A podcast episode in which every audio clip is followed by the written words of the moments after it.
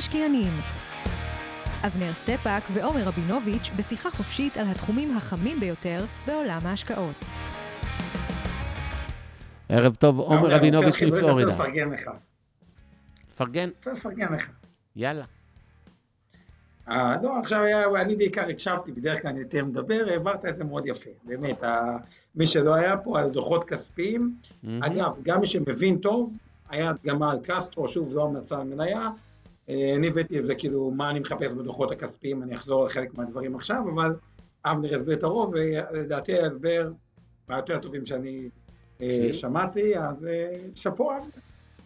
פרגון ממך, זה באמת, מצאתי כמה גרגרים היום, איזה כיף. תודה רבה על הפרגון. אמ, טוב, אה, אז בואו נדבר, אה, מה אנחנו הולכים לדבר היום? אנחנו, חוץ מקצת אקטואליה, פינת המכפילים החביבה שנחזור אליה. הפוקוס שלנו היום הוא היערכות אה, לדוחות של הרבעון השלישי. סיימנו רבעון בדיוק לפני יומיים, חמישה ימים, סליחה, יום שני מעסקים אולי. ואנחנו uh, רוצים קצת לדבר על מה אנחנו מצפים כרגע מהרבעון השלישי. לא נוכל להתעלם מספטמבר השחור, בעיקר בסין, uh, כמה מילים גם על זה, למרות שזה לא הנושא המרכזי שלנו להיום. Uh, מה עוד אומר? לא, בדוחות כספיים, שוב פעם, אנחנו מדברים על זה, שלושה דברים מרכזיים שאנחנו מחפשים באופן כללי בדוחות כספיים, ועוד יותר בהכנה לרבעון שלוש. אז בואו נזכור עוד פעם נחזור למה בכלל אנחנו משקיעים, או באיזה חברות אנחנו רוצים להשקיע, בתור משקיעים מן הסתם אנחנו רוצים לעשות מעל הממוצע, אה, ואני אוסיף פה עוד משהו שאמרתי מעבר למה שאמרתי בתוכנית של המתחילים. אז ראשון זה חברות שאנחנו מבינים שה-TAM, ה-total addressable market, התחזית צמיחה שלהם, הולכת להיות ארוכה וגבוהה, אפילו יותר ממה שמצפים, ויש עוד פעם את כל הדוגמאות הרגילות, גוגל, פייסבוק, מי שהבין את ה... עולם של האונליין, אה, נטפליקס היא דוגמה טובה בתחום הסטרימינג, אה, סטרימינג, ויזה, מאסטר קארד וכו' וכו' וכו', אבל חברות שהתחזית צמיחה שלהן היא ארוכה וברורה, ואנחנו מבינים שאפילו יכולה להיות יותר גבוהה ממה שהשוק מעריך. האפשרות השנייה היא באמת לחפש, אז זה סיפור אחד, שבדוחות הכספיים, מה אנחנו מחפשים פה? באמת חיזוקים, conviction, רגע, יש לנו איזה סיפור בראש, בגלל זה השקענו, שבאמת הוא קורה במציאות, ובאמת המספרים תומכים בזה. הסיפור השני אה, הוא הסיפור של חברות contrarian, חברות שהפוך קורה, כולם בורחים מהם, כמו היום נגיד מעליבאבא ומטנסנט ומכל הסיניות, ויש לנו את המחשבה שלנו, אגב, קרה בקניונים ובנדל"ן המניב בארץ, שמי שקנה אותם בתוך ה dip עשה המון כסף, כנ"ל בבנקים, כנ"ל בחברות הביטוח, שהתרסקו לגמרי בקורונה ומי שקנה אותם אה, עשה המון המון כסף, ופה אנחנו צריכים להיות עם מחשבה שונה, contrarian, כלומר קונים לא דווקא את הצמיחה, אלא קונים את ה-value, את ה deep, ואנחנו רוצים לראות חיזוק שאנחנו לא, לא אה, שיש תמיכה במספרים, זה מה שאנחנו חושבים, זו אותה מחשבה הפוכה אה, אה, מהשוק, כי גם היו חברות של שמן לוויתנים פעם, שכבר לא קיימות, כי כבר אין את זה בתור מכשיר אנרגיה. הדבר השלישי, שאותו אני רוצה להדגיש, וגם לא אמרתי בוובינר הקודם, שזה עוד משהו שאני חושב שהוא מאוד מאוד מעניין, זה חברות שכביכול, ופה נטפליקס היא כן דוגמה טובה, הן חברות יחסית מש... משעממות, כלומר שיש להן פעילות עסקית אה, רגילה, נורמטיבית, שאנחנו מכירים אותה, במקרה של נטפליקס, לדוגמה, היה, היא הזכירה DVDים אה, כ-DVD, כמנוי DVD שמקבלים הביתה, קצת מזכיר את בלוקבאסטר, מודל שקצת נעלם, ואיפשהו בדוחות הכספיים, לדוגמה ב-2011, התחילה עם זנב. מה הכוונה זנב? הם התחילו ניסוי בכלל בקנדה, אה, בינלאומי, של סטרימינג, כמו שאנחנו מכירים את נטפליקס היום, ואז בארצות הברית, אה, ובהתחלה בגלל שזה היה זניח, השוק בכלל לא הגיב, להפך, המניה עוד ירדה, אבל פתאום זו חברה שקיימת עם מודל עסקי א', שנוצר לה זנב, לפעמים הזנב הזה שווה הון עתק, ואם הבנו את הזנב בזמן וקנינו את זה לפני שאחרים אה, מבינים אותו, אז קנינו את החברה גם במכפילים הזולים וגם עם הרווח של הזנב. דוגמה קלאסית נוספת זה אותו AWS מאמזון שהתחיל זנב של AWS. אגב, גוגל ומייקרוסופט איחרו קצת להבין עד כמה המודל הזה רווחי, והם תפסו איזושהי הובלה, אבל אלה שלושת הסיטואציות. כלומר, חברה שצומחת ויש לה פוטנציאל אדיר, נרצה לראות את המספרים תומכים בזה, חברות שירדו חזק, קנינו לתוך הירידה, contrarian, נרצה לראות שהמספרים לא תומכים בתזת הירידה, כלומר שהם יותר stable, או חברות שיש שם פעילות עסקית רגילה, שפתאום אנחנו מזהים איזשהו זנב, ולעקוב אחרי שהזנב באמת מתפתח, ואז אנחנו מרוויחים פעמיים, גם את המכפיל הנמוך וגם את הפוטנציאל של הזנב. אבנר, אתה רוצה להוסיף לגבי זה משהו? לא, זה מספיק לבינתיים. בואו נדבר קצת אה, אקטואליה ו... כן, בואו נתחיל מאקטואליה. אחלה. אז אנחנו כרגיל עם פינת ה... אה, פינת המכפילים, מה שנקרא. אנחנו שוב מזכירים, as usual, שכל מה שאנחנו עושים היום, ועוד רגע נדבר על אה, סין והכול, אנחנו, זה לא ייעוץ השקעות, לא תחליף לייעוץ השקעות. אה, שמותאם לצרכים ונכסים של כל אחד מכם אישית, בידי יועץ השקעות מוסמך. אנחנו, כל מה שאנחנו אומרים פה זה דעתם הפרטית של עומר רבינוביץ' ושלי אבנר סטפאק, ולא של אינבסטור 360 ומיטב דש בהתאמה. אם אנחנו מזכירים פה מניות ספציפיות, צאו מנקודת הנחה שאי שם בתיקי הלקוחות, אה, קופות הגמל, הפנסיה, השתלמות, קרנות הנאמנות, תעודות הסל ותיקי השקעות של מיטב דש נמצאים הניירות האלה בתיקים, וכנ"ל בתיקי הלקוחות של אינבסטור 360, ולכן יש לנו אינטרס כשאנחנו מדברים על המניות האלה. שוב, אנחנו לא באמת uh, עושים את זה בשביל, uh, uh, כן, להריץ uh, ניירות שלנו, בטח לא אלה בחו"ל גם, אבל uh, בכל זאת צריך להגיד את זה, שיש לנו גם אינטרס במניות האלה שמוזכרות פה. ונראה לי ש... וכל מה שאנחנו עושים היום זה לא המלצה לביצוע פעולה כלשהי בניירות הערך או להימנעות מפעולה כזאת, או למכירה, קנייה וכולי וכולי וכולי. והנה אנחנו אה, נכנסים אחרי הערת האזהרה הזו, היא גם כתובה פה, לפינת המכפילים. עומר, אתה רוצה להוביל? אז אה, כן, התזה עצמה לא אה, השתנתה, אפשר לראות עדיין מכפילים. רק המספרים השתנו, כן. מכפיל, מכפילי רווח עתידיים, ה-S&P באזור ה-20. שוב, מכפיל רווח עתידי הוא היותר אקטואלי, ומה שצופים שיהיה הרווח אה, בהמשך, הנוכחי הוא 24, הנסדק 34 זה הנוכחי, 27.8 אה, זה העתידי. אגב, שואלים אותי 27 האם זה יקר, האם זה, זה, זה המון 28, אז רק כדי לשים דברים בפרספקטיבה זה משקף תשואת רווח של 2.9. עכשיו הנאסדק זה בדרך כלל חברות שצומחות. אם נסתכל לדוגמה על מחירי הנדל"ן בתל אביב, נסחרות במכפיל רווח של 2.5, למה? צופים שהשכירות תשמח בעתיד שיקרה או לא יקרה, אז נשים את זה קצת בפרספקטיבה אה, אה, כן, וצריך לזכור שהנכס הבסיס פה, שזה בעיקר בנסדק מניות טכנולוגיה, לפחות אחורה, לא מבטיח שגם עתידית, צמח בקצב כל כך משמעותי, שמה שאנחנו רואים מכפיל רווח עתידי, נניח שנה הבאה, 28, מתברר בדיעבד, במרכאות, כן, נהיה מכפיל יותר זול, אה, ככל שהרווחים הולכים וצומחים, אז, אז הרבה פעמים העתידי הזה... אה, הוא לא כל כך גבוה, כי די מהר, אה, כי אם החברה צומחת, אז ב-23 היא תרוויח כבר משמעותית יותר משנת 22 ויותר משמעותית מ-21 וכולי, ואז בעצם לא ייקח באמת, אה, לצורך העניין, 28 שנים להחזיר את הרווח, את ההשקעה באותה מניה, אלא הרבה הרבה פחות מזה, כי אנחנו מצפים לגידול ברווחיות. נכון, והדגשתי את מה שאמרתי, כי כשאנחנו מסתכלים על זה בפרספקטיבה לאלטרנטיבה, ונגיד נדל"ן, היא אחד מהאסט קלאסים, אחד מה... הכי גדולים שיש, פתאום זה נראה יותר מעניין, כאילו אפילו מניות מכפילים מאשר התשואות שכירות של הנדל"ן, ואני מזכיר, הקצב צמיחה במניות ברווחים אה, הוא יותר גבוה מהקצב של השכירויות. אגב, וגם הנדל"ן בתל אביב, באותו 2.5 אחוז שכירות, או אם יוצאים קצת 3, 3.5, הוא נראה יותר מעניין מאשר תשואת אג"ח מדינה לעשר שנים, שבמדינת ישראל אנחנו מקבלים 1.2 ל-10 שנים, כלומר, המניות על פניו נראות בסדר, הנדל"ן נראה עוד, כל המחירים הסופר גבוהים, לפחות יחסית לאלטרנטיבה של האג"ח 1.2 נראה אה, בסדר. אבל בואו רגע ניישר קו, מכפילים באירופה זולים. כן, חצי מארצות הברית, פחות מחצי. עתידי. כן. בגרמניה הוא 14, 13, 9, בריטניה 11.8, חוץ מזה שאין להם דלק, סלש אוכל. בחנויות, לפחות המכפילים אה, אה, נראים אה, זול, אני טס עוד כמה שעות ללונדון, אני הולך לבדוק. ללונדון, אז תיקח קופסאות שימורים או משהו, אתה יודע, שיהיה לך כן, מה לאכול. ישראל המכפילים יותר סבירים, אין מכפיל רווח עתידי לדעתי, אבל תל אביב 35, 18.8, תל אביב 90, 10 אחוזים, בטח יחסית לאלטרנטיבה באג"ח שהיא אחוז נקודה שתיים, אגב, אג"ח ארה"ב אחוז וחצי, סיטואציה יותר גבוהה בישראל, נראה על פניו תמחור שהוא עדיין תמחור אה, סביר אה, מאוד, והוספנו את פינת המזרח הרחוק. אז בואו נכנס רגע את מזרח הרחוק. הודו שהיא מאוד מאוד צומחת, מכפיל 23 עתידי. לא רק שהיא צומחת, גם הבורסה צומחת, שימו לב בתחתית שם, אנחנו רואים שזו הבורסה שתפקדה הכי חזק השנה, זו הייתה אחת מה...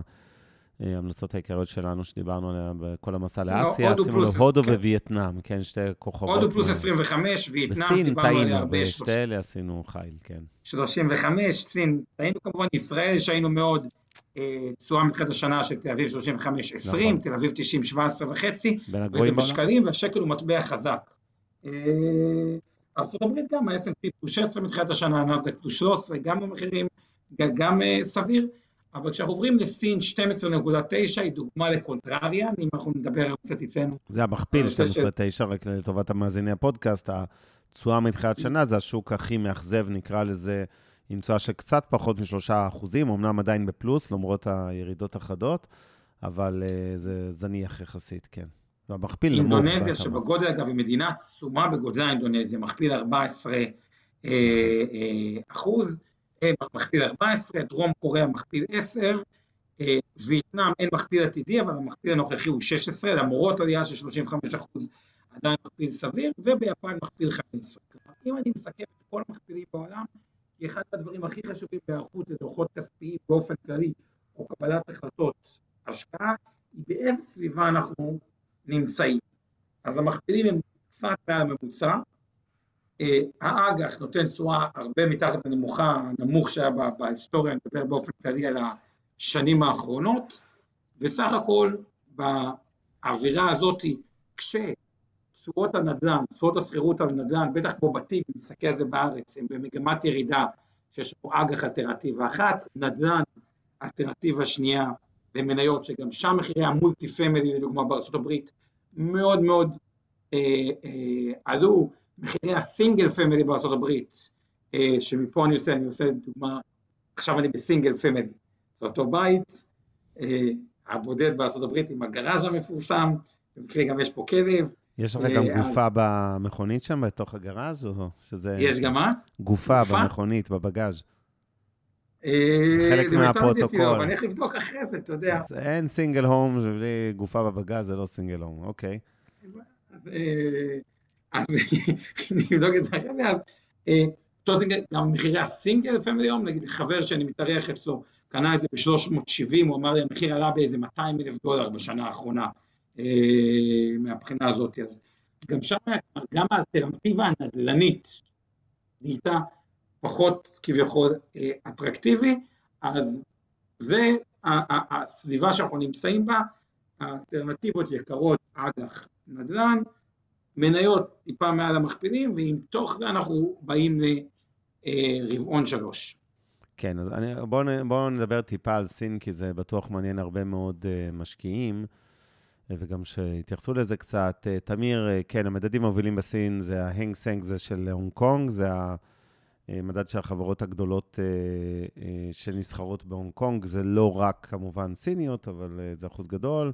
יש שם תקרה כמו קצת כמו בארץ, אה, מניה במדד לא עולה ל-10%, וכמובן אה, שנגחאי זה הבורסה המרכזית, זה שנגחאי, עם A-shares ו-B-shares ולא חשוב, אבל בגדול, אה, הבורסה בסין אה, לא מתפקדת טוב, עדיין המשך, גם בספטמבר, קראתי לזה ספטמבר השחור, ראינו אה, ירידות חדות יחסית. אה, אה, הרבה מאוד באותן אה, חברות שהיו באזורי כן, של הממשלה, אבל גם עליבאבא, אני לא זוכר כמה ספציפית בספטמבר, אבל היא אכן ירדה, כמו שהזכירו פה, מ-300 ל-145, לא יודע כמה מזה החודש. בכל אופן, היא נראית בהחלט אה, זולה יחסית. מכפילים, כמו שראינו בטבלת המכפילים בסין, נמוכים. אה, אני ראיתי מאמר, אני רוצה לפרגן לקולגה שלי, אני לא מכיר אותה אישית, רינת אשכנזי מאקסלנס של הפניקס, היא פרסמה מאמר מעניין לפני כמה ימים, יומיים, שלושה, נדמה לי שזה בביז פורטל, אה, שגם להם צריך לפרגן, כי הם אה, בעיניי סך הכל... כן, ממש. אני חושב שהם הפכו להיות כלי, כלי כלכלי, אתר כלכלי מאוד משמעותי. ו... בקיצור, היא, היא מדברת שם על סקטורים בסין, כאילו סין היה איזשהו שיטפון כללי, כולם מפחדים מהשלטון, והיא מדברת על הסקטורים אה, שלצורך העניין הם אה, אה, פחות פגיעים, שאין לממשלה אינטרס אה, לפגוע בהם, אחד מהם זה האי-קומרס. אני עוד מעט אה, אתר את המאמר שלה, הזכרתי אותה ככה בספונטניות, אבל אה, אז, אה, אני אסתכל על מה היא התייחסה, אבל אה, אה, בכל מקרה, זה היה... אה, אני, אני מאוד הסכמתי עם מה שראיתי שם, ואני חושב שה... אה, לא לזרוק את התינוק עם המים. סין עדיין, כל אסיה, אנחנו מזכירים לכם, אנחנו תמיד מדברים על אסיה, ושזה בחצי סין וחצי זה כל מה שמסביב. אז כל מה שמסביב תפקד מצוין. בממוצע אסיה אולי עשתה דומה או יותר מחלק מהשווקים המערביים, אבל סין כמובן אה, מפגרת מאחור. אני חושב שנתנו מספיק משקל, נקרא לזה, לעניין של ה... אה, ממשל בהקשר, לא, ה, אה, לא של אמינות נתונים וזה, אמרתי כבר בעבר, ואני עדיין עומד מאחורי זה, הנתונים אמינים בסך הכל בסין, יותר אמינים מארצות הברית בהרבה מובנים, אה, למרות הנטייה שלנו לחשוב הפוך. הבעיה שם שפשוט ממשל קומוניסטי, שמדי פעם אנחנו שוכחים את זה, שהוא רוצה להיות קומוניסטי, וחלק מקומוניזם אומר שבתחומים כמו חינוך ושירותים אזרחיים בסיסיים, תחבורה, חינוך וזה, אין לממשל באמת אינטרס שיקומו ענקים שיהפכו להיות אה, מונופולים או שחקני ענק אה, במדינה. אה, ולכן, בחלק מהתחומים בהחלט, בהחלט, הממשל ימשיך להתעלל והם יותר מסוכנים. ומצד שני, סין עדיין, כן, תלויה גם היא במערב, היא לא רק תלויה בעצמה, היא לא באמת באמת יכולה, לצורך העניין, להרשות לעצמה לסגור, אה, כן, לפגוע בכל החברות בענף הזה. אני לא הייתי אה, נבהל יותר ממנו, אני חושב שעכשיו סין היא בהחלט כבר הזדמנות. חשבתי את זה אומנם גם קודם, אבל אני חושב שעדיין, גם עכשיו הייתי מחזק, נקרא לזה במרכאות, את החלק הסיני בתיק. מה אתה אומר, עומר, על סין? תשמע, תסכים, אני עכשיו בארה"ב, ואתה יודע, סתם יצא לדבר, מישהו, דווקא נפגשתי אותו בארץ, לא מזמן עם בן אדם בארץ. בן אדם בן 35, 34, אה, עובד בעבודה טובה, 150 אלף דולר בשנה, ואני שואל אותו, אוקיי, מה עם השקעות וזה, במה אתה משקיע? מה הוא אומר לי? לא, רק עכשיו סיימתי לשלם את הסטודנט דפט שלי. כלומר, חוב הלימודים. ארה"ב, במה שקשור, וזה ידוע, education ואזכר, היא לא התנהלה בצורה אה, נכונה, וגם בפערים חברתיים. אני חושב שהסינים, בתחומים, אם מסתכלים על האמריקאים ורואים מה הולך שם, תחומים של education והזכר צודקים במידה מסוימת, כלומר אני מבין את ההיגיון הכלכלי, וגם מה זה אותו מס מהחברות הענקיות שהם דורשים מטנסנט ואליבאבא? זה בדיוק כמו להגיד, שמע, ג'ף בזוס הצלחת, חלק מההצלחה שלך היא בזכות האינפרסטרקצ'ר שאמריקה העמידה. אם הגעת לשווה חברה של טריליון דולר, תשלם יותר, אז אפשר לעשות את זה בצורה יותר מקובלת, מיסוי יותר גבוה לחברות שמאוד הצליחו, מס עשירים, אה, אבל הדרך הסינית היא, היא סוג של מס אסירים, או דרך החברה, תתמכו יותר בשוויוניות. מה שמצדיק מכפילים קצת יותר נמוכים, אני כן רואה בזה את ההיגיון המסוים. כלומר, זה לא דברים שכאילו לגמרי הם בלי היגיון, אני חושב שבסך הכל, כל השקעה יש בה ריסק ויש בה ריוורד. אה, אני חושב שהיום הריוורד בדגש על התחום שאתה אמרת, האי-קומרס, הבאבא, הג'יידי, הדברים האלה, אה, עולה על הריסק, אה, מודה ומתוודה, אני צריך ללמוד חלק מהדברים שאנחנו גם עושים עכשיו באינבסטור, יותר הנושא של התרבות הסינית, להבין אותה לעומק, לא מה שקוראים בעיתונות, בביספורט ובדברים האלה, באמת להבין את הראש הסיני ואת התרבות הסינית, כי אני חושב שזה עוד פקטור משמעותי, שאני לא בטוח שאני מספיק מכיר אותו, אבל על פניו מבחינת מספרים, מה שנקרא תזה, כאילו מבחינת המכפילים אה, והצמיחה, נראה מאוד מעניין, בטח האי-קומרס. כן, אני רק אוסיף לגבי מה שאמרת על מיסוי וכולי, אני מזכיר שגם המערב, בעיקר ארצות הברית, אבל כולם עכשיו ביוזמת חקיקה על כל התאגידים הגדולים, כולל פייסבוק ואפל, לקבוע מיסוי בינלאומי מינימלי של 15%, אחרי כל הדיונים על מקלטי המס, וזה גם יעמיק עכשיו עם התיבת פנדורה הזו, הפרויקט החדש שאתם אה, שומעים אותו ב... כותרות בימים האחרונים גם בהקשרים ישראלים, אבל בעיקר בהקשרים של חו"ל. Uh, אני חושב שהעולם הולך קצת לטפל uh, יותר שוויוני במקלטי מס. אגב, המדינה הכי לא שוויונית בעולם במיסוי, אתם יודעים מה היא? זה ארצות הברית. שם באמת זה הזוי, העשירים משלמים הרבה פחות מס מעניים, ואני מדבר באופן יחסי באחוזים וכולי. זה פשוט מדהים לראות את זה. כמה תכנוני מס חוקיים יש שם. זה, זה, זה מטורף, רק כדי להבין, הייתי בפלורידה, אז יש שם אנשים ששווים באמת עשרות מיליונים אם לא יותר. אומרים לי, אני קונה נדל"ן, כן. כשאני קונה נדל"ן, יש, יש לי פחת מואץ, כלומר אני מקבל מלא כסף הביתה ואין לי מס, כי הם מכירים פחת מואץ, בדוחות הכספיים אבנר הסביר פחת, אז כשהם עושים סיפור פחת מואץ, ואז הוא בא למכור את הנדל"ן, אז הוא אומר אוקיי עכשיו משלם את המס, לא, אז יש 1031 exchange, אני יכול למכור את זה, ואם אני קונה נכס יותר גדול, גם אין לי מס, כי אני עוזר לכלכלה, כלומר כן. אני יכול להשקיע כל החיים בנדל"ן בלי מס. כן, ואתה נתת דוגמה שלפחות יש לה איזה צידוק, קצת כמו שיש לנו נגיד חוק האנג'לים בישראל, שאתה משקיע בסטארט-אפים באופן אישי, לא כחברה, ואתה מקבל הוצאה מוכרת, אז זה הטבות מס שהן נועדו לשרת צמיחה. אני מדבר על זה שהעשירים שם לא משלמים מס גם בלי, בלי לעשות טובה ולקנות נכסים יותר גדולים. אלף ואחת תוכניות מס ותכנוני מס, ואני חושב שהעולם... בטח אחרי הקורונה, עם השקעות ענק של המדינה, אה, של כל הממשלות, בתמריצים למגזר העסקי וגם למשקי הבית, לא תהיה ברירה אלא לטפל בנושא המיסוי ולעשות קצת יותר שוויוניות, אה, בעיקר אגב בארצות הברית, ובצדק, וגם גלובלית על החברות הגדולות בעולם, שכל אחת מקים לעצמו איזה מקלט מס במדינה כזו או אחרת, ובסוף יוצא עם אה, שיעורי מס חד-ספרתיים נמוכים ומצחיקים. קבל לו תכנון שיש אותו, הרי אבנר אתה מכיר טוב, יש לך את ה-IRA הכי גדול בארץ, אוקיי? או אתם והפניקס, לא יודע בדיוק מי. כן, אבל אנחנו. כן. IRA, מי שמכיר, זה שקונים מניות, דיברנו על זה הרבה פעמים, ולא ישלם מס. בארצות הברית הקצילו ואמרו, יש מה שנקרא רף IRA. מה זה רף IRA? שאתה יכול לשים ב-IRA גם את הבית מגורים שלך, או בית להשקעה, או חברה פרטית. לפי ערך ש... שקנית, וליהנות מכל הפטורים של ה-IRA, כלומר, אם בישראל לקחו את זה גם לקרנות האלטרנטיביות, כמו כל הקרנות האלטרנטיביות שאפשר ב-IRA, שם אתה גם יכול נכסים פרטיים. כל מקום שיש אפשרות לעשירים איכשהו שיש להם פחות מס, זה שמה, ואני אומר שהסין פשוט רואים את הפערים המטורפים שיש בארצות הברית, ואומרים באיזשהו מקום מעט בצדק, לא בטוח שאנחנו רוצים להיות כמוהם, אבל זה מה שאני רוצה ללמוד על התרבות יותר ולהבין, כי יכול להיות שזה גם מדובר בהזדמנות מאוד גדולה לקנות את עליבאבא וג'יידי במכפילים הנוכחיים, אם אנחנו מבינים שזה עניין שהוא לא אנטי קפיטליזם ואנטי שוקי הון, אלא יותר פשוט צמצום פערים, משהו שהוא make sense, צריך להבין את זה יותר לעומק. אני חושב שעליבאבא בהחלט נופלת לקטגוריה הזאת שאתה מדבר עליה. טוב, עוד כמה דברים על השוק לפני שניכנס באמת, טוב, זה גם על השוק, כן, על רבעון שלישי, אבל לפני זה גרש נותן פה... אה, מונולוג אה, טוב בצ'אט, ואני מסכים איתך לגבי הגורמים לירידות. אה, כן, ראינו, אגב, אנחנו מסתכלים מספטמבר, בספטמבר קופות הגמל ירדו בממוצע כנראה ב-0.65, אחרי אה, תש... שמונה חודשים קודמים שהיו פנטסטיים. עדיין התשואה הממוצעת לדעתי באזור 9% מתחילת שנה, כלומר לא לדאוג. גם אחרי ספטמבר... מסלולים הכלליים. אני מדבר על מסלול כללי, איפה שנמצא רוב עם ישראל, 90 ומשהו אחוז מהנכסי הלקוחות.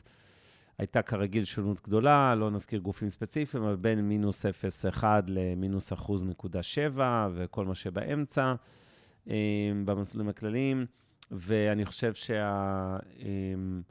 שהסיפור ש... אה, שוב, זה לא ספטמבר שחור, אולי היה שחור בסין, אולי היה שחור באופן כללי בשווקים בבורסות, אבל אני מאוד מסכים עם מה שגרש כותב פה, הוא מסביר קצת את הירידות בבורסות, מזכיר לנו את המניה הסינית. אברגרנד, כן, החברת נדל"ן הענקית שעל סף אה, פשיטת רגל סלש חילוץ. אה, כל נושא של הצורך בהעלאת תקרת החוב האמריקאי, שבכלל זה מכה קשה מאוד, נושא החוב בארצות הברית. זה כזה עננה שאנחנו נוטים להתעלם ממנה, אבל היא בהחלט מסכנת שווקים. האינפלציה, אנחנו פחות מרגישים את זה בארץ, או יותר בקטנה. עוד רגע נחבר את זה גם לרבעון השלישי ספציפית, אבל אתם רואים שהאינפלציה בארצות הברית ובכלל בעולם, יש עכשיו התייקרות של חומרי גלם, פחות שילוח, פחות היצע, אה, כן, מפעלים שתקועים עם ייצור. זה מצד אחד גורם לעליות מחירים, מצד שני זה פוגע במכירות, אוקיי? אפרופו רבעון שלישי וגם looking forward. אם בעיית התקיעות הזאת, כן, לא תיפתר מהר, אז זה יכול להיות שאנחנו נראה דוחות פחות טובים דווקא, בגלל העניין הזה שהרבה מאוד uh, מפעלי ייצור לא מושבתים, אבל מוגבלים עם כל ה... הובלה ימית, יש, יש ענפים שלמים שהעלייה, ראינו את הצד הטוב של זה במני הקמוצים, אבל העלייה במחירי תובלה ימית משבשת הרבה מאוד ענפים שפשוט הופכים להיות לא כדאיים ברף מסוים, כן, של אה, מחיר הובלה ימית, פתאום לא משלם לייבא, לייצא וכולי. אמ, יש את הסיכון, אני מאוד אוהב את ה... באמת, גרשי שיחקת אותה, באמת, הוא מזכיר לנו גם את הנושאים הגיאופוליטיים, מלחמה, סיכון למלחמת סין-טיוואן, איראן, אזרבייג'ן, אני תמיד מזכיר... אגב, שיש שם מנהל קרן גידור שאומר, המתח שם הוא הרבה יותר גדול ממה שחושבים בין סין לטיוואן. כן, הוא בשיאו. מתח. וזה יגרור גם את ארצות הברית, אה, שתגן על טיוואן בסיטואציה כזאת, זה יכול, לא רוצה לקרוא לזה חלילה מלחמת עולם שלישית, ולא רוצה להפריז בפסימיות, אבל זה בהחלט גורם סיכון. איך נעשה וובינר אם יהיה מלחמת עולם שלישית, אבל? כן, וזה המקום אולי לפתוח סוגריים על כל הנושא של אה, גורמים גיאופוליטיים, כי אני, אני תמיד מדגיש את זה, את ההבדל בין גיאופוליטי לפוליטי.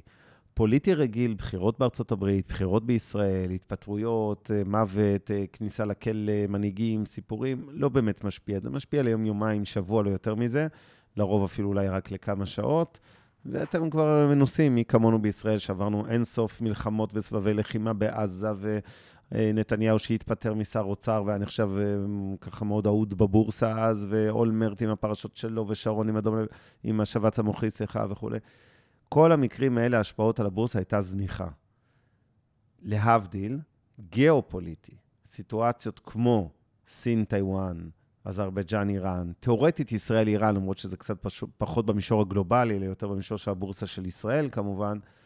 אה, אנחנו לא אגיד שזה לא היה משפיע חלילה, אם הייתה פה מלחמה, גם היה משפיע גם על חו"ל, אבל במידה יותר מוגבלת. זה היה, אנחנו סופגים את המכה בבורסה שלנו יותר מאשר, אה, אה, כן, נסדק או בורסות באירופה.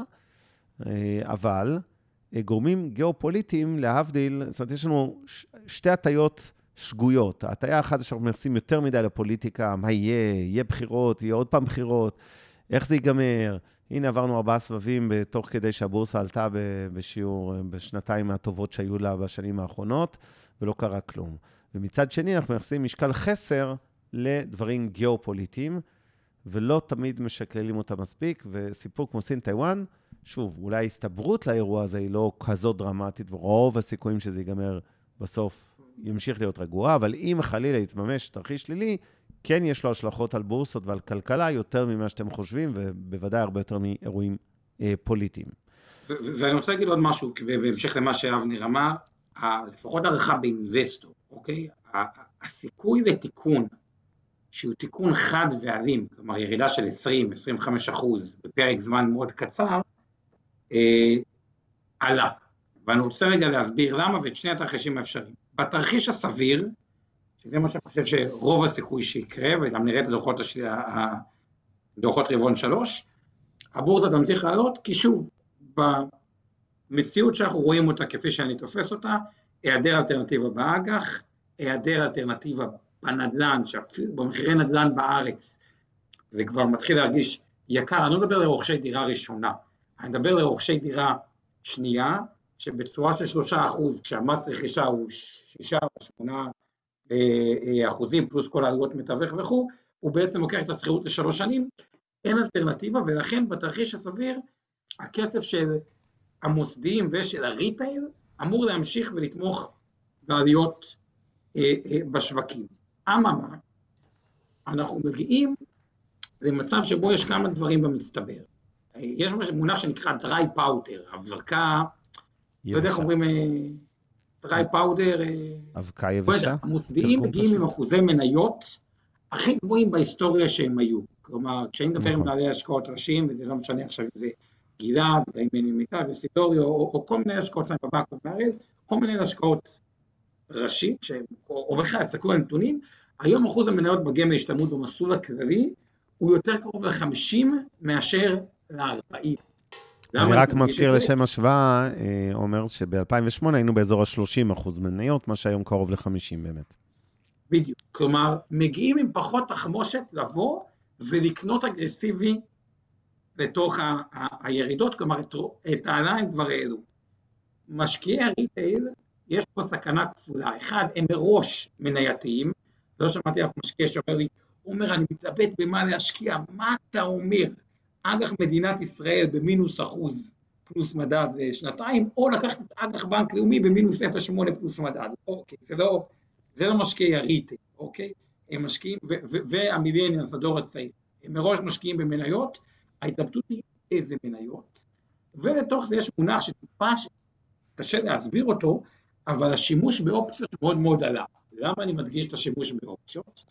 כי יש מונח שנקרא gamma squeeze, אני רק אכנס ואסביר אותו, זה אותם חבר'ה שקונים אופציה, מה זה אומר? או שהם מפסידים הכל, כשאתה קונה אופציה, כי המחיר לא עלה, או שאתה מרוויח המון. כלומר, יש בדיוק את אותו סיפור של הבן אדם שהראה את חשבון מסחר שלו בגיל 39 ואמר bye bye corporate America, כי הוא קנה אופציות על טסלה, ופתאום יש לו 11 מיליון דולר כשהוא התחיל לסכום אה, אה, זניח. עכשיו, הנקודה הזאת ככל שתיק ההשקעות של הריטל עולה, הם הרבה פעמים גם, הרבה מהם עובדים ממונף. מה זה ממונף? היום יש בערך טריליון דולר מינוף בתוך תיקי ההשקעות של הריטל. כלומר, התיק שלהם עולה, זה מאפשר להם להשקיע יותר, או כי תיק השקעות הוא גם מהווה בטוחה. ואם יקרה סיכון גיאופוליטי, או סתם טריגר, קורונה זן, אחרי דלתא מגיע, לא יודע מה, גמא, אמרנו, כלומר באופציות מה שנקרא gamma squeeze, זה squeeze לשני הצדדים, כלומר שמרוויחים זה מטיס את העליות, ושמפסידים זה פתאום מרוקן את החשבון של הבן אדם. כל הדברים האלה ביחד, זה שבארצות הברית אחוז מניות הוא הגבוה בהיסטוריה, 45 אחוז, כלומר אם יהיה תיקון, שהוא לא 3-4 אחוזים, אלא יותר מהותי, זה יכול להוביל לכדור שלג של הרבה מרג'ין קולס, כלומר אנשים שאומרים להם או שתסגרו פוזיציות או שתקנו כסף, לחץ, העברות מסלולים, ויכול להיות, יש סצנריו לתיקון אה, אחד, לדעתי ברמת מכפילים שיש היום ובמבחן האלטרנטיבה זה תהיה הזדמנות מאוד מאוד טובה, אבל זה לא תרחיש שהוא לא, לא בלתי סביר, כאילו הסבירות שלו עלתה. אני מסכים, ואני אה, חייב להגיד גם עוד דבר לגבי אה, משברים כשהם קורים. יש לנו איזושהי נטייה אה, לחפש תמיד איזה תירוץ. למה השוק ירד? למה הוא צלל? אה, ולא תמיד, צריך להגיד, יש הסבר מיידי, ולפעמים ההסבר הוא, הוא בכאילו, זה טריגר טכני, שפשוט, אתם יודעים, זה כמו שאתם לא יודעים להסביר, אני לא יודע לפחות להסביר, למה השוק עלה כל כך חזק כל כך הרבה שנים, כמעט ברציפות. נכון שהיו תקופות משבר. לא, זה קל להסביר את זה.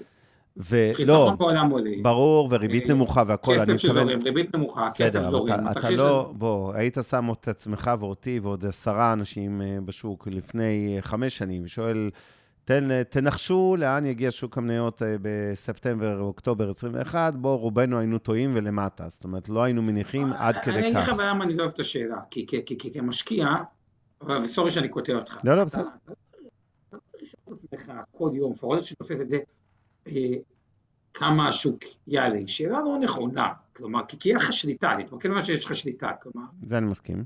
תבסס את ה basic, לדוגמה, נדל"ן בארץ, למה הוא יעלה? כי הדמוגרפיה חיובית, וישראל עושה טוב כי יש פה מוחות מבריקים, ואין מה לעשות, שדמוגרפיה חיובית, יש ילודה גבוהה, והייטק מצליח, הנדל"ן יעלה, אתה לא שואל את עצמך בכמה, ואז אתה רוצה או לא רוצה חשיפה לשוק. מניות שאתה אומר, אוקיי, יש דיפלציה טכנולוגית, ויש יזמות בעולם, יש חברות כאילו שמצליחות, אין אלטרנטיבה, יעלה, אתה רוצה, ההתמודדות צריכה מה יעלה הכי הרבה, איפה אני רוצה כאילו להתמקד, ואז אתה גם לא מכניס את עצמך כל פעם לבלבלות מיותרות, אבל sorry שקטעתי. כן, אני, אני, מה שרציתי להגיד זה שהרבה פעמים הטריגר הוא לא באמת ההסבר לירידות. הטריגר יכול להיות, בואו ניקח את הדוגמה של אותה מניה סינית, החברת נדל"ן הזו, אברגרנד.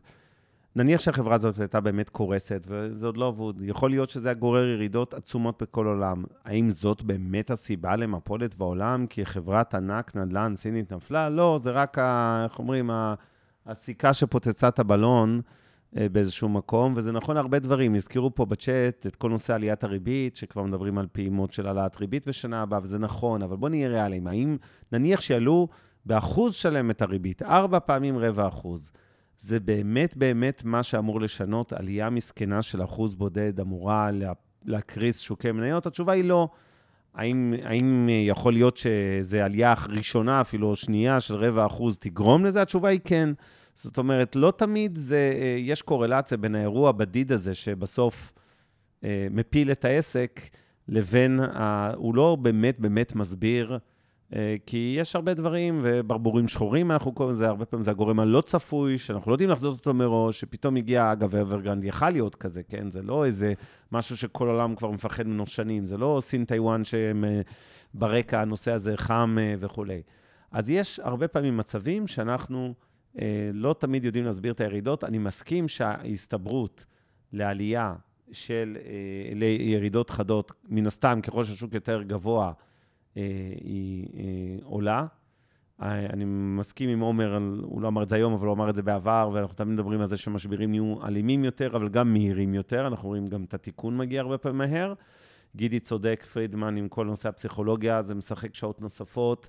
אני תמיד אוהב להזכיר את 2008, שכולם אמרו ב-2006-2007, כשהתחילו ככה תחושות לא נוחות מרמות המחירים בשוק המניות, אז אמרו, מה, בחיים לא ירד, כי...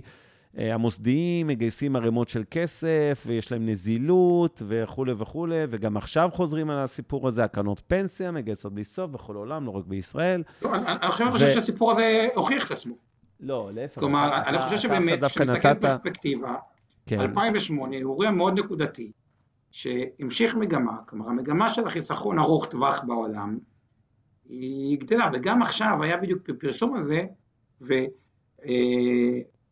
וזה נכון, תראה. כן, אבל אני אגיד לך למה זה לא יוכיח את עצמו, זה לא הוכיח את עצמו ב-2008, זה לא הוכיח את עצמו גם ב-2021 או 2022, או לא יודע, אני כן, שלא יצאו מפה מתחושה שאנחנו מנבאים פה איזה מפולת מחר בבוקר, אבל זה בהחלט יכול להיות, ואין לנו מושג, אף אחד לא יודע לתזמן שווקים, גם לא אנחנו, והמסקנה היא לא לברוח משוק המניות מהדיון הזה, שלא תבינו לא נכון. אבל, אני רוצה, בדיוק בנקודה הזאת, עומר, להדגיש. אתה אמרת בצדק, המוסדיים עלו מ-30% ב-2008 ל-50% מניות כרגע. כלומר, יש פחות תחמושת, במקרה של ירידות חדות, פחות, מ...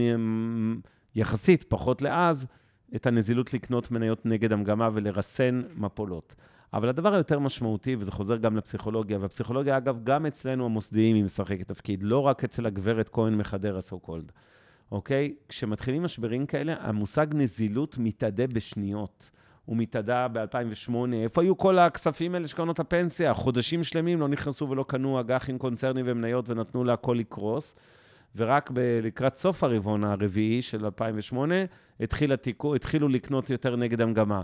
גם המוסדיים נכנסים ללחץ, יש פדיונות, יוצא לנו כסף מקרנות נאמנות, לפעמים במצבי קיצון גם מגמל ופנסיה, כי אנשים בלחץ, וזה מה שהיה ב-2008.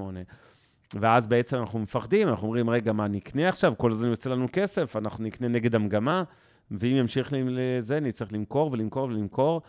אה, אה, מיכל נוגעת הרבה בנושא של העלאת ריבית, גם זה הרבה פסיכולוגיה, זה משפיע על נדל"ן. אה, מיכל ספדון מה, מהצ'אט, כן? משפיע על נדל"ן, משפיע על אג"חים ארוכים, זה הכל משפיע לרעה כמובן, כן?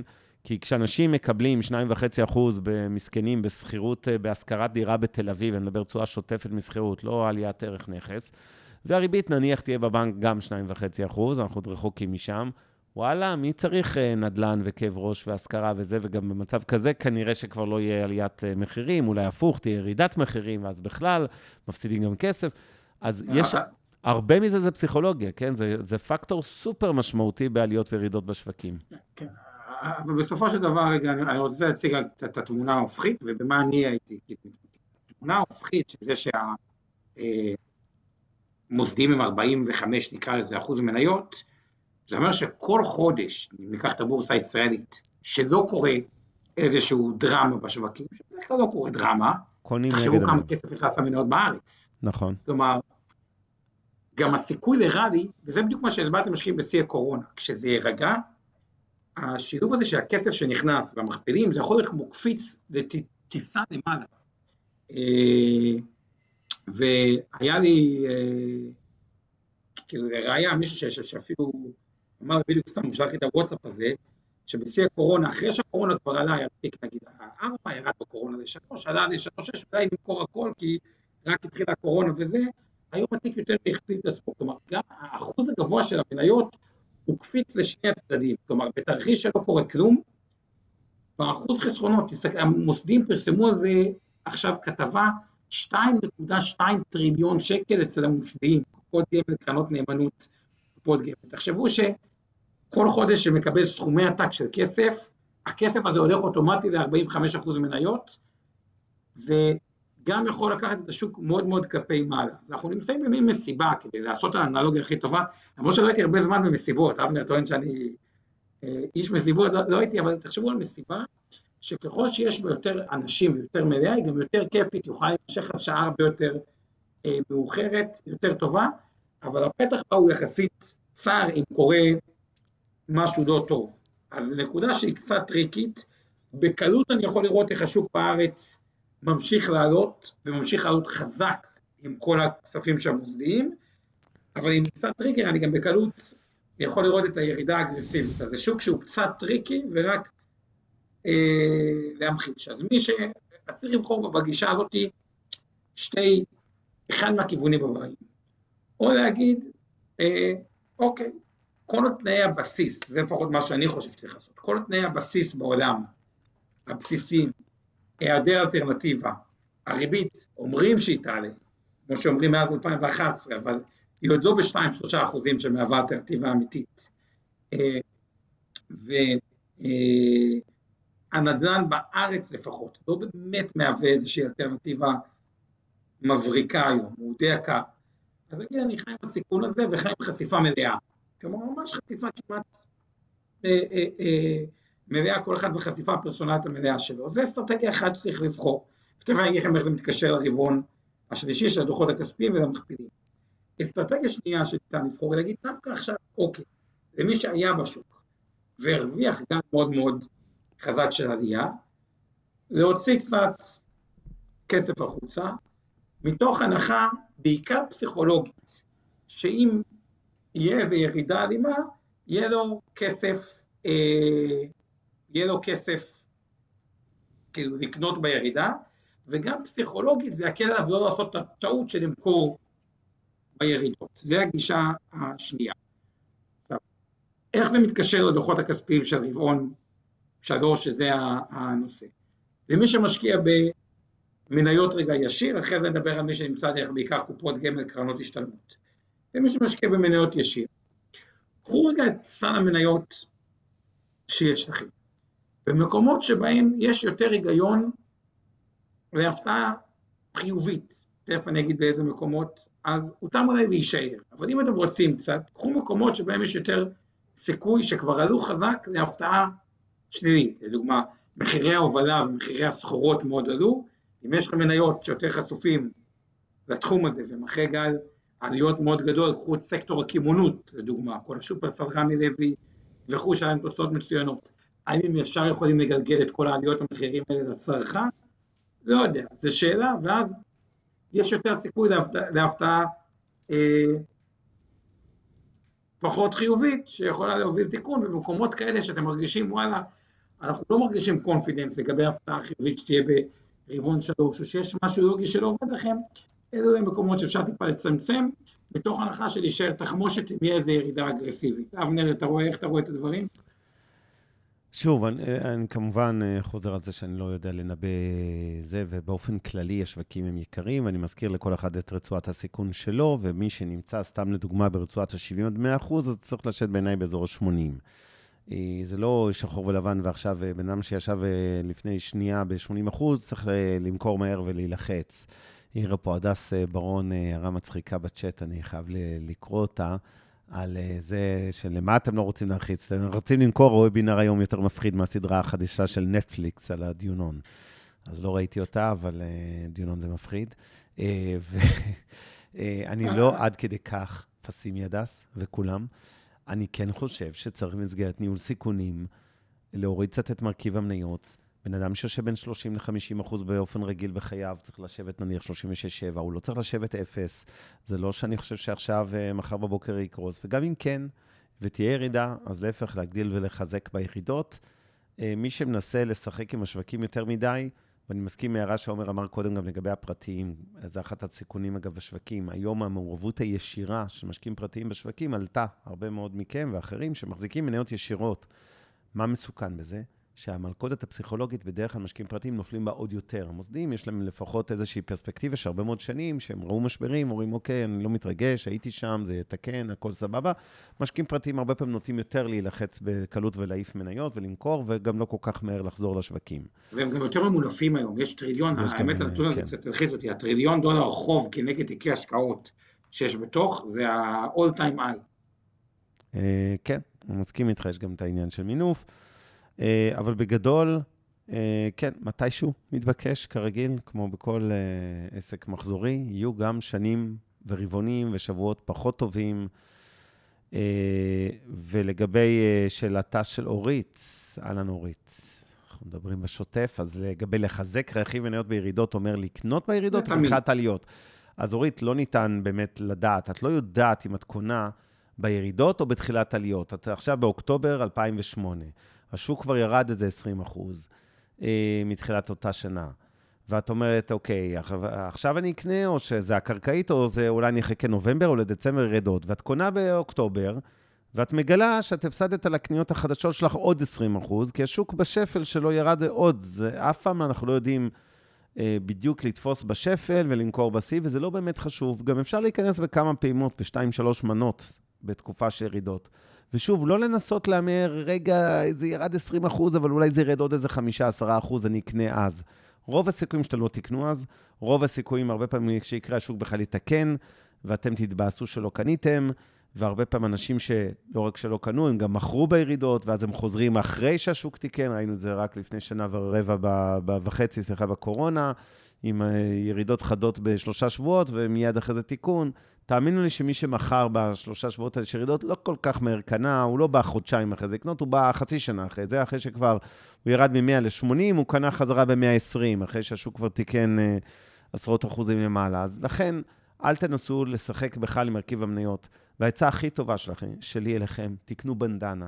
שימו בנדנה על העיניים, תשמרו אותה בארון, ביום הזה של המפולת. סורי שאני קוטע אותך עם סיפורי הבנדנה. לא, לא, לא, לא, לא, אתה לא תקטע את הבנדנה שלי, אתה עוד דקה. אני אגב, כדי שאת הדברים האלה, אנחנו באינבסטור, לגבי מי ששואל, לא מחזיקים בבנדנות. אנחנו מנהלים תיקי מניות כשירים, אוקיי, כשירים, יש איזה חוק, כשירים 12 אפילו. נכון לכרגע, זה רק תיקי מניות, שהרציונל הוא מנייתי. אנחנו כרגע כמעט ב-100% חשיפה, כלומר פוזיציית מזומן היא מאוד מאוד נמוכה, מתוך הנחה שגם ש... כי זה נשמע מאוד מלחיץ, רק רציתי רגע לפני סיפורי הבנדנה, מתוך הנחה לקראת רבעון שלוש, שבסך הכל אני חושב שיהיו דוחות סבירים עד טובים, לפחות בפוזיציות שאנחנו אה, מחזיקים, שאני לוקח את כל גורמי הסיכון ביחד, אני חושב עדיין שה upside יותר גבוה מה downside, כדי לתת איזשהו balance לכל סיפורי ההפחדה. כן, ב state of mind, היינו כל הזמן בקורונה ב state מה לקנות, מה לקנות, מה לקנות, ה state of mind טיפה השתנה, ואיזה מתוך הפוזיציות מיצו את עצמם וצריך להחליף אותם. כלומר, אנחנו עדיין בחשיפה מלאה, אבל עם state of mind טיפה של, אוקיי, מה כבר מיצה את הגל, ואולי יש מקום להוריד רגל מהגז, שזה יהיה אולי טיפה יותר מאוזן. בואו נחזור לסיפורי הבנדנה שלכם. אז סיפורי הבנדנה שלי אומרים שבתקופה קשה שמים בנדנה על עיניים, לא נבהלים מהירידות, ממש מתעלמים, לא פותחים מסכים וכותרות כל בוקר בעיתונות הפיננסית לראות אה, כמה הפסדנו הבוקר. קצת כמו עם משקל, אתם לא רוצים, אתם יודעים, מי שעושה דיאטות, וחלק גדול מאיתנו נאלץ לעשות את זה מדי פעם. אז אחד העצות שאומרים לכם דיאטנים ואנשי מקצוע זה אל תשקלו כל בוקר, נכון? למה הם אומרים את זה? כי לפעמים אתם נשברים. אתם רואים, אתם מרגישים שאולי דווקא התנהגתם יפה ואכלתם יפה אתמול וזה, ופתאום בכלל רואים פלוס 300 גרם, פלוס חצי קילו, כשציפיתם בכלל לרדת. וזה הרי שטויות, כי זה, זה מאזן הנוזלים ומיליון דברים אחרים משפיעים ברמה יומית, אבל זה, זה, הרבה פעמים זה שובר אנשים, ואז הם כבר נכנסים לבולימיה, ובכלל משמינים אה, חמישה קילו בתוך שבועיים או חודשיים. אז לכן בהתאמה גם פה, לפעמים בתקופות של משבר, באמת, לא להסתכל, לא להתעסק, רוב הסיכויים שתעשו טעויות ושטויות, יש יותר סיכוי כזה, ולשים בנדן העיניים, לקחת גלולת אומץ ולקנות מניות נגד המגמה. עכשיו, צריך לזכור, בתקופה של מפולת, קודם כל, מרכיב המניות, נניח שהוא היה אצלכם, סתם דוגמה, 50 אחוז ערב המשבר. רק מעצם הירידה, יכול להיות שהוא ירד ל-40 אחוז, אולי אפילו פחות, רק בגלל ירידות בשערים. זאת אומרת, גם אם אתם רק רוצים לא להגדיל ל-60% מניות, אלא אפילו רק לחזור ל-50, אתם חייבים לקנות מניות נגד המגמה. בעיניי, בתקופות כאלה, גם החוכמה היא להגדיל גם מעבר למקום שהייתם בו, כדי שכשהשוק יתעדכן, אתם תיתנו תשואה עודפת, נקרא לזה ככה. בדיוק כמו שהיום אני אומר לשבת יחסית בחלק התחתון של רצועת הסיכון, בתקופה של מפולות, הייתי כנראה אומר לכם הפוך, תלכו פול פאוור על, שוב, בתוך רצועת הסיכון שלכם, לא מ-40 או 50 אחוז ל-100, אבל אם אתם ברצועה של 30 עד 50, אז תלכו ל-50. כן. אתה מסייג, בואו רגע נתחיל לסכם, כאילו לקראת דוחות כספיים. אה, נכון. אחד, אה, אני אומר ככה, בגדול, יש אפילו מישהו שאני עשיתי עליו מנוי פעם, שהוא, כל האסטרטגיה שלו זה להשקיע אובר לקראת דוחות כספיים בחברות ספציפיות שהוא חושב שיש סיכוי טוב להפתעה. מה זה סיכוי טוב להפתעה? חברות עם מנהלות שמרניות שבדרך כלל מכים פעם אחרי פעם את התחזיות, תחומים שהוא חושב שהם יצמחו ורק כזה עושה המון כסף, אוקיי? כלומר, הוא ממש, זה יכול ממש היערכות לניתוח, וואו, מה בסיכוי גבוה יפתיע אותנו לטובה, זה הקיצון. אבל אם רוצה להסתכל זה תמיד, להבין את הסביבה שבה אנחנו חיים. בסביבה של היעדר אלטרנטיבה, צריך שהתוצאות יהיו סבירות או סבירות פלוס, ושהתחזיות לא יהיו מאוד גרועות. אני חושב שמקומות אולי טיפה להפחית, אני לא מכיר כל התיק ההשקעות, זה גם לא ייעוץ ותחליף ייעוץ השקעות, אבל מקומות שבהם העולם קצת יותר בבלאגן, בעיקר סביב שרשראות אספקה או דברים כאלה, ויש קשר הדוק בין מה שהחברה עושה לכל מיני שרשראות אספקה, או בעיות שיש בעולם, יש יותר סיכוי להפתעות פחות טובות. במקומות שבהם פחות קשורים לזה, כלומר pure טכנולוגיה, אם תיקחו חברות כמו SaaS, כמו סיילספורס או אינטואיט, שזה דוחות כספים לחברות, או אה, כל מיני מודלים אחרים של SaaS, אה, מייקרוסופט, היא פחות קשורה לדעתי לשרשראות האספקה, להפך, יש רק פחות הוצאות שיווק ו marketing, כי פחות טסים לחו"ל, אלא עושים דברים יותר דרך הזום. אלה מקומות אה, שבהם ניתן אה, להישאר, ובאופן אה, כללי, כשאתה מסתכל על הכל, היעדר אלטרנטיבה ואת התקופה השלי, את הדוחות השלילי, הדוחות הכספיים, אני חושב שהפלוסים עולים על המינוסים, עם הערת אזהרה, יהיה תקופה שבה יהיה תיקון מתישהו, שבה אתם תראו כותרות על gamma squeeze, שזה כל משקיעי ה retail ששיחקו באופציות, החשבונות שלהם מתאדים, שזה בארצות הברית, וזה מכריח אותם למלא מילה עוד מרג'ין קול, למכור את הכל, המוסדיים כשלב ראשון לא יחפו עליהם, לא ייכנסו במקומם, כי מראש עם אחוז מניות גבוה, הם ירצו לראות יותר סימנים להתייצבות, אפרופו מה שאבנר אומר, גם פסיכולוגיה של אה, מוסדיים. מחירי האג"ח הקונצרנים עלולים לקרוס אה, כתוצאה מזה שמראש המרווחים מאוד נמוכים, שזה יוסיף שמן המדורה, זה יהיו הכותרות, שם באמת זה רעיון טוב לבנדנה. מי שמרגיש את תרחיש האימים, ואני בכוונה אומר אותו, גם הסקוויז, מינופים, מרג'ין קודים, ריטלים נמחקים, אה, סיפורי זמן אנשים בני 30 שאיבדו את כל כספם, מוסדים שלא נכנסים מהר, פדיונות מקרנות 30-70 ודברים כאלה, קריסה באג"ח, עלויות מימון עולות לחברות, כתבות על זה שסקטור הנדל"ן והכל המימון קפץ פלאים, ואם זה יישאר בדברים האלה אז אה, הנדל"ן גם מתרסק, פחות אומרים אה, מתיקון, פחות גיוסים לחברות הייטק, עוד יותר פאניקה מי יזכור את ה over משרדים שיש בארץ וכו' וכו' וכו', זה פחות או יותר כותרות שאתם הולכים לראות בשורט טרם. הלונג טרם אין אלטרנטיבה, הדמוגרפיה חיובית כאילו בארץ והמון כניסה למוסדים. אם כן. אני מרגיש, אם אתם מרגישים שרק מהתיאור שאני אומר פה, של מה שיהיה, קיבלתם חלחלה, יש לכם צרבת, כן. מה? כבר מלחיץ אתכם too much, כי זה מה שיהיה כשיהיה את הירידות, אז כאילו אני יודע לצפות את זה, אוקיי? כולל רוביני ואמרנו לכם, וצודקים, ומהשוק, והניתוח איך זה יכול ליפול ב-50%, אחרי זה כבר 10%. קחו טיפה כסף, שימו אותו מזומן, אם אתם במסלול מנייתי תעברו לכללי, או אם אתם במסלול הכללי בתחושה טובה תשימו 10% במסלול השקלי, שתרגישו שיש לכם מה לעשות בתוך הטרפת הזאת בשביל להגדיל סיכון. כי זה יקרה יכול להיות עכשיו, יכול להיות בעוד שלוש שנים. אם אתם מראש אומרים, אוקיי, אני יודע שקשה לתזמן את זה, למרות שאנחנו מבינים שהשוק נתן מהלך אדיר בעשור האחרון, הרבה מעבר לממוצע שלו, אוקיי? והבייסיק לא השתנה, כלומר ריביות נמוכות, אין אלטרנטיבה, ואחוז חיסכון הולך וגובר, בטח שרוב הכסף הוא אצל המעמד הסוציו-אקונומי הגבוה, כלומר תחשבו על כל ההייטקיסטים הצעירים שחוסכים היום כסף, זה הולך למניות. המבוגרים שבמקום להוציא כסף חוסכים כסף, כי כבר יש מספיק כסף מהשקעות, בדרך כלל הולך לנכסי סיכון. כלומר ה basic תומך, פשוט יהיה איזה אירוע אפוקליפטי כמו שאני מתאר, מי שהתיאורי אימה שלי עושים לו רע, שיצמצם קצת, שיהיה לו תחמושת שנדבר, מי שחי עם זה, אה, פשוט חבל להיות עם cash drag, אל תשכחו גם cash drag כשהשוק בורח, זה קצת מעצבן, אומרת פוזיציית cash שכל השוק עולה. אבנר, לסיכום שלך. כן, אני אה, אגיד כמה דברים. קודם כל, לגבי רבעון שלישי, כל בעיות השילוח, ייצור וכולי, לא אפינו את כל הרבעון, אז עדיין בסך הכל אמור להיות רבעון טוב בדוחות הכספיים.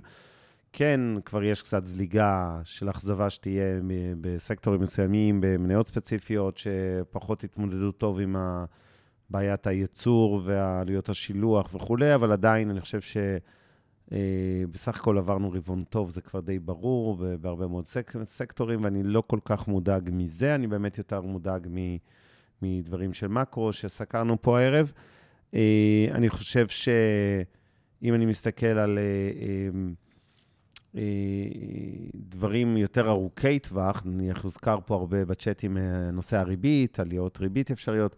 שוב, הכל מאוד תלוי גם בקצב. זה לא רק עניין של... אה, זה, זה עניין של מינון, זה לא רק עניין של... כן, יש הבדל אם האחוז הזה, אם יעלה ב... לצורך העניין, בחצי אחוז בשנה הבאה ובעוד חצי אחוז ב-23, אז זה שונה מהותית מאשר אם יעלה באותו 1 אחוז בתוך, במחצית הראשונה של 22. אני לא חושב שזה התרחיש, כן, המרכזי. הריביות יעלו בהדרגה, אה, אבל יהיו כבר פעימות שנה הבאה. ושוב, כל עוד הקצב הוא לא מאוד מהיר, זה לא יפגע משמעותית בשווקים. כן, זה שאנשים במקום אפס יקבלו אחוז בבנק, לא ירוצו בגלל זה למכור מניות נדל"ן ואג"ח קונצרני בשביל לשים פקדונות אה, בבנק. אבל אם זה יקרה מהר, אז יכניס את הממד הפסיכולוגי הזה, שאנשים יפחדו, רגע, זה רק התחלה.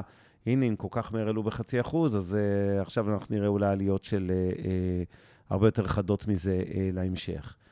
Uh, כל נושא האינפלציה, וזה מתחבר גם לשאלה שאופיר שאל אותי, תודה גם על הפרגון, לגבי סקטור אנרגיה המסורתית, ובכלל זה מתחבר לאינפלציה. אני לא מודאג כל כך, ואמרתי את זה גם בעבר, אני חושב שהגל האינפלציוני שאנחנו חווים כרגע בעולם, וקצת גם בישראל, הוא קצר טווח, אולי הוא קצת כבד, אבל הוא קצר טווח, זה לא... שאנחנו הולכים לשנים עכשיו של אינפלציה. אני חושב שאנחנו בתקופה של שנה, שנתיים, לא יותר מזה, של אינפלציה יותר גבוהה, וגם, לא מפלצת, לא... אה, אז אני מזכיר לכם שהיינו, אני לא מדבר ב-400 אחוז בשנות ה-80 לשנה, אבל היינו גם באינפלציה דו-ספרתית הרבה מאוד שנים, כולל בשנות ה-90, לא קרה שום אסון מזה, ואנחנו לא קרובים לאינפלציה דו-ספרתית. אז אה, אם האינפלציה תרים ראש ל-3-4 אחוז, לשנתיים, כשהיינו שנים פה בישראל באפס ריבית, לא, לא דרמה. אמ, ולכן בהתאמה, אני אה, פחות מודאג מנושא האנרגיה העולמית אה, ומחירי הנפט, ואני גם לא מאמין בהם יותר מדי לטווח ארוך, ובכלל, אני חסיד גדול של אנרגיות אה, אלטרנטיביות, והנפט בעיניי, כמו הרבה דברים, לא הרבה דברים, כמו כל מיני דברים אחרים, אבל גם הנפט זה משהו שאני לא יודע אם בעוד 20 שנה, כי לא נביא 40 שנה, יעלה מהעולם בסוף, אה, לטובת אנרגיות ירוקות, שהן היום עדיין אה, אחוז זניח. האינפלציה מדאיגה יותר באירופה, באירופה יש בעיה של צמיחה, כולל האוכלוסייה, אני מזכיר, בקושי אוכלוסייה מזדקנת. כל נושא מחירי החימום, שבאירופה זה פקטור, לנו בארץ אין את זה. כל משבר האקלים, לא מספיק מקשרים אותו לשוק המניות, תחשבו על זה. כל התנודתיות במזג אוויר הזה, מה זה מייצר. אה, הרבה מאוד אה, צריכה בעליות אנרגיה, גם בחימום, גם במיזוג, בהרבה מאוד מדינות. מדינות באירופה שלא התקינו מזגנים, כי לא ראו גל חום אה, מחייהם עד לפני 3-4 שנים, ופתאום חווים לפעמים קיץ כמו בישראל, או בקנדה עם 50 מעלות. גם כן, מקומות שבאופן נורמלי לא ידעו מה זה מזגן בכלל. כל הדברים האלה בסוף, כן, הם משפיעים גם על מחירי אנרגיה וגם על אינפלציה, אבל, וזה להבדיל לא משהו שיעלם כן כל כך מהר, כאילו המשבר האקלים. אה, אבל גם לזה יש השפעה. אה, מחירי הגז באירופה, תמיר ברגר אה, מזכיר. זהב, שואלים אותי ומזכירים שאבא שלי הוא חסיד של זהב בתקופה הזו, זה כן, אני גם חושב שזהב הוא גידור טוב לתיק השקעות. גם קצת ביטקוין, אבל זהב יותר מביטקוין עדיין. אה, מוכיח את עצמו בתקופות אה, קשות אה, כגידור מוצלח למרכיב מניות. זה דוגמה, משהו שאני מרגיש איתו נוח. הוא גם נהנה קצת מעליית הסחורות, והוא גם בצד שני גידור טוב, שאם השוק פה ירד, אנחנו יכולים בקלות לראות עליות במחירי הזהב. הוא עדיין נחשב המפלט בתקופות משבר. אני ממשיך לדפדף פה בשאלות, תומר, כי אנחנו לקראת סיום, אז אני חוזר לחלק... לא, זה טיסה, אבנר, שלא זה, גם לא מצא דרכון, לא, בכלל. בינתיים מדווחים לי גורמים מקורבים למשפחת סטפאק מדווחים לי שהדרכון שלי נמצא, אז לפחות מזה נרגעתי. אז כן, אפשר להיות רגועים. אבל אתה צריך כן. לארוז, לא ארזתי, ואני עוד ארבע שעות בשדה. אה, אז אופיר, אה, לגבי החלק השני של אה, מה שכתבת, שאלת, לגבי הנושא של משמעות, וזו שאלה מאוד חשובה וטובה, על נושא הפיזור הגיאוגרפי. אנחנו הרבה פעמים מדברים, אמרתי תמיד שבשנות ה... 90 דיברו הרבה על חשיבות הפיזור הגיאוגרפי, להשקיע במדינות שונות, ודווקא ב-20 שנים האחרונות של העשור של 2000 ל-2020, פתאום ראינו שהייתה כזאת קורלציה גבוהה בין השווקים, שזה כאילו לא באמת שינה, אנחנו תמיד סוקרים פינת מכפילים, סין, ישראל, הודו, גרמניה, אנגליה, ארה"ב, ובעצם היינו רואים שהקורלציה בין השווקים היא מאוד מאוד גבוהה, לא כמו השנה שאתם רואים שונות גדולה יחסית מסין עם תשואה אפסית לארה"ב עם תשואות... וישראל, תשואות דו ספרתיות גבוהות, 15-20 אחוז. אה, אני חושב שחזרנו לעידן שכן יש משמעות לפיזור הגיאוגרפי, ותהיה שונות גדולה גם בעשור הקרוב, לדעתי, לטובת אסיה לעומת ארצות הברית, אה, בתשואות. אה, אני רגע דקטוק, כי אני כל כך, אני כל כך לא מסכים שאני חייב לעצור אותו, כן. כן אני רק אומר, הגישה הנכונה לדעתי, שהשתנתה זה הגישה התמטית, כלומר, אם אתם מאמינים בתחום ה e-commerce, אז תחפשו גם e-commerce באסיה או אמריקאי שזה זה, אבל פחות אני חושב שכאילו, גם בתוך סין הדיפרנציאציה יכולה להיות, יכול להיות שסין כן e-commerce ולא נדל"ן, זה, זה לא סותר, עומר. הגישה היא לחשוב בדרך סיפורית, עם הסיפור תבדיל בין, זה לא סותר, עומר, אני מסכים איתך שצריך גם להקפיד על פיזור סקטוריאלי ולא רק פיזור גיאוגרפי. אבל עד עכשיו דיברו בעיקר על זה שאין טעם לפזר גיאוגרפית, שואל פרופיר לגבי פיזור גיאוגרפי, אז אני עונה אוקיי, בהקשר הזה. ועוד נקודה שהוא מלא חשובה, אומר, רגע, אבל מה זה פיזור גיאוגרפי? החברות הכי טובות מנפיקות כולן בארצות הברית. אז אני אדגיש שכשאני אומר פיזור גיאוגרפי, אני מתכוון במהות, לא לאיזה בורסה קניתם את המניה, יש הרבה מניות שנסחרות גם בישראל, גם בארצות הברית, גם בסין, גם בארצות הברית, גם באנגליה, גם בכל מיני כאלה. במהות, איפה החברה, מה היא, האם היא חברה סינית או אמריקאית, האם היא חברה ישראלית או uh, צרפתית? האם היא חברה גלובלית, כמו טבע, שהיא אמנם ישראלית, אבל היא במהות שלה, כן, מוכרת בכל העולם ואין לה שום, נגיד, אין לה הטיה דרמטית לישראל. Uh, אז זה פיזור גיאוגרפי. Uh, כן, Wix ו Fiverr, שהן חברות ישראליות, הן במהות שלהן חברות גלובליות, זה לא ממש משנה אם הייתם קונים את המניה שלה בבורסה בתל אביב אם הייתה נסחרת, או רק בארצות הברית. אה, אין לזה הרבה משמעות. אז פיזור גיאוגרפי זה, זה, זה יותר בעיניי איפה החברות האלה מוכרות, אוקיי? כמה הן תלויות בשווקי היעד, זה המבחן וזה הפיזור שאתם אה, רוצים, וזו נקודה אה, מאוד חשובה. נמשיך עם עוד ככה כמה שאלות אחרונות. שאלה, באיזה מטוס אתה טס? זה מטוס טכני, חברת וירג'ין ללונדון. וזה לא, כי שמעת לי בעשר ורבע, אני שואל אותך באיזה מטוס אתה טס, לוודא שהמטוס לא טס בלעדיך. לא, לא, תראה, אנחנו כבר... עכשיו רק 10 דקות. לא, לא, אני מודע לזה, אנחנו כבר מסיימים. אה, חן אמרה, אני מזכיר לי, אה, תעקבו אחרי תעשיית השבבים, אוקיי? הסמי קונדקטורים, אנחנו רואים, אה, השבבים משמשים כל דבר מרכבים והרבה מאוד תעשיות אחרות, וייצור הרכב השנה בעולם יורד בעשרה מיליון רכבים, זה משמעותי, ועד שאין פתרון לעולם השבבים וה... אה, זה יכול להשפיע על שרשרת אספקה, והשווקים לא יהיו רגועים. אה, מה עוד? אה, האם, ה... כן, הדבר האחרון מבחינתי, או שתי, סליחה, יש עוד נקודה של זיו פה לגבי הפסקת הרכישות של הפד. מטבעות קריפטו, האם אמורים לקרוס בגלל, אם יהיו ירידות בשווקים? לא בהכרח. יכול להיות שנגלה, זו שאלה מעניינת שאין לי תשובה מספיק חד משמעית לגביה. אם זהב מוכיח את עצמו, כמו שאמרתי, כגידור טוב לשוק מניות, וכשהשווקים יורדים הזהב עולה, לא בטוח שאפשר להגיד את זה עדיין על קריפטו, או על ביטקוין ספציפית. יש לי תחושה שכן, שזה מה שיקרה, אבל אני לא מספיק, אה, דיברנו על המושג conviction מוקדם יותר הערב, אני לא מספיק בטוח בזה. אה, בהחלט יכול להיות שגם הקריפטו ירד יחד עם אה, שוקי המניות. זה עוד לא נתפס כאיזשהו עוגן יציב ליום סגריר למשקיעים בשוק המניות. ושאלה אחרונה, סליחה שאני יודע שיש עוד דברים, אבל זיו, לגבי הפסקת רכישות אג"חים של הפד, זה אה, אה, נתון ידוע. כן, כמובן. אני לא רואה לו השפעה דרמטית.